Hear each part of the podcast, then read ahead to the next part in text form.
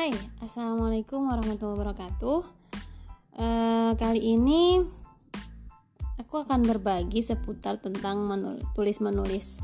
Untuk season pertama yaitu tentang motivasi menulis dan lebih khusus pada strong way atau kita bisa katakan alasan kuat kenapa sih kita itu harus menulis. Oke, ngomong-ngomong seputar tulis menulis, uh, garis besarnya sih ada tiga tahapan ya buat siapa aja yang uh, mau nulis gitu. Yang pertama adalah pra writing, writing dan pasca writing dan ini yang aku dapetin dari banyak mentorku gitu.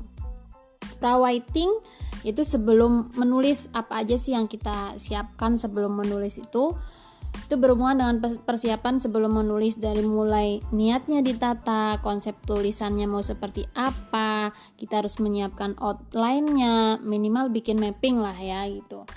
Tapi ngomong-ngomong gitu, nggak semua orang itu uh, dalam prosesnya, nggak semua orang itu bisa menyusun outline, nggak semua orang itu uh, apa namanya bikin mapping dulu. Ada juga yang nulisnya dadakan yang ngalir aja gitu. Yang penting temanya jelas terus nulis aja. Nah itu itu ada yang uh, penulis seperti itu. Salah satunya aku pribadi juga kayak gitu. Tapi seiring berjalannya waktu uh, akhirnya berusaha dan tetap terus belajar untuk bikin mapping atau bikin outline gitu. Jadi nggak cuma skripsi atau tesis atau uh, apa ya jurnal aja yang butuh outline tapi kita menulis buku juga butuh outline. Itu yang pertama. Nah yang kedua adalah writing. Writing sendiri ya proses selama penulisan gitu. Selama penulisan itu ya kita fokus aja nulis tentunya kita juga butuh referensi ya.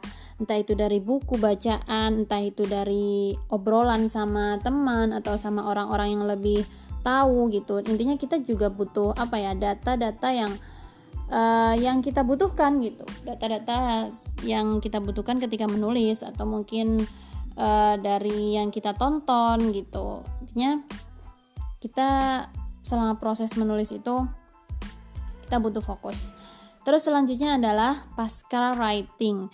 Nah, setelah tulisan kita ini udah selesai nih dalam bentuk draft naskah, ya kan A4 di apa namanya? di laptop gitu entah itu misalnya 120 halaman. Udah selesai nih. Nah kita harus ngapain lagi sih gitu kan ya? Itu butuh self editing dulu kita baca ulang dulu memperbaiki mengurangi atau bahkan menambahkan. Kemudian menyiapkan naskah dari pembuka sampai penutup uh, dan mengirimkannya ke penerbit. Nah sebelum mengirimkan ke penerbit itu kita juga butuh proposal pengajuan.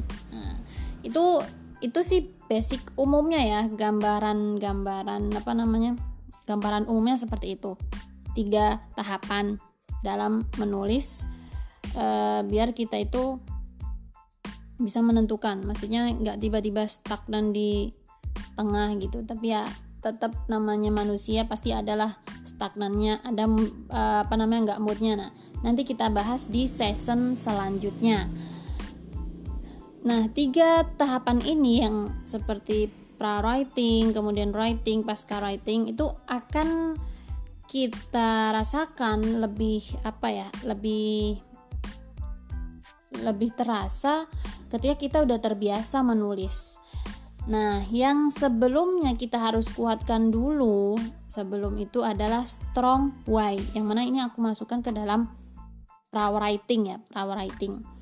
Ya, alasan kuat kenapa kita harus menulis, untuk apa sih kita menulis itu, untuk siapa.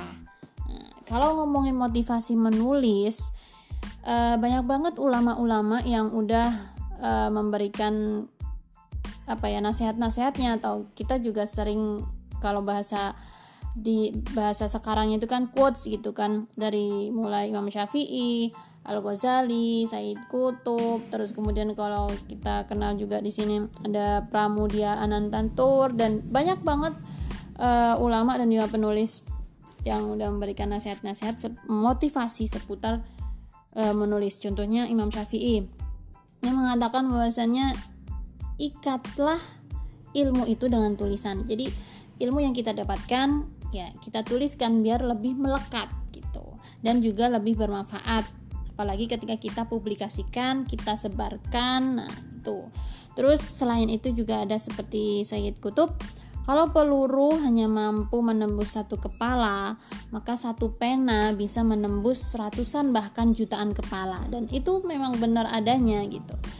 Uh, terus selain itu juga Pramudia Anantatur beliau juga mengatakan bahwasanya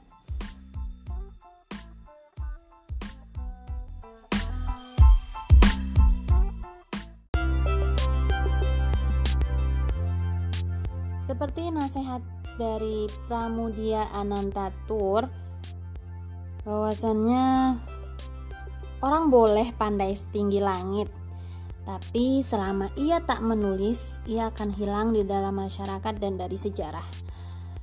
Dan itu terbukti banyak kan ulama-ulama dulu gitu yang mana karya-karyanya fenomenal sampai sekarang bisa kita nikmati. Seperti Imam Syafi'i, Imam Al-Ghazali dan banyak banget ulama ulama-ulama lainnya yang mana karyanya itu banyak nggak cuma satu jilid. Sedangkan satu jilid aja beratus-ratus halaman gitu kan masya Allah banget. Nah ketika kita menulis kita juga berarti memperpanjang usia kita dengan apa ya? Dengan tulisan kita dengan karya kita. Jadi menulisnya sekali manfaatnya berkali-kali. Kalau kita selama hidup kita nggak nulis ya rugi gitu. Karena itu di antara salah satu wasilah kita berinvestasi ukhrawi. Jadi itu sih. Nah yang paling poin penting empat poin penting untuk strong way atau alasan kuat agar kita menulis ya kita harus tata dulu niat kita harus kuat tekadnya juga harus kuat usahanya juga harus kuat harus hebat dan doanya juga harus hebat. Insya Allah hasilnya tak kalah hebat. Nah jadi uh, ketika kembali lagi ke pra writing kalau menurut aku yang utama adalah niatnya terus itu yang pertama. Terus yang kedua uh, niat terus kemudian juga tekad yang mana dibuktikan dengan usaha ya. Niatnya kita lillahi ta'ala kita berusaha untuk investasi akhirat. Kemudian tekadnya dengan usaha terus menulis ini. Nah terus kemudian yang ketiga adalah konsisten mendisiplinkan mendisiplinkan diri. Terus yang keempat adalah fokus. Nah, itu sih. Insya Allah akan aku jabarkan di next session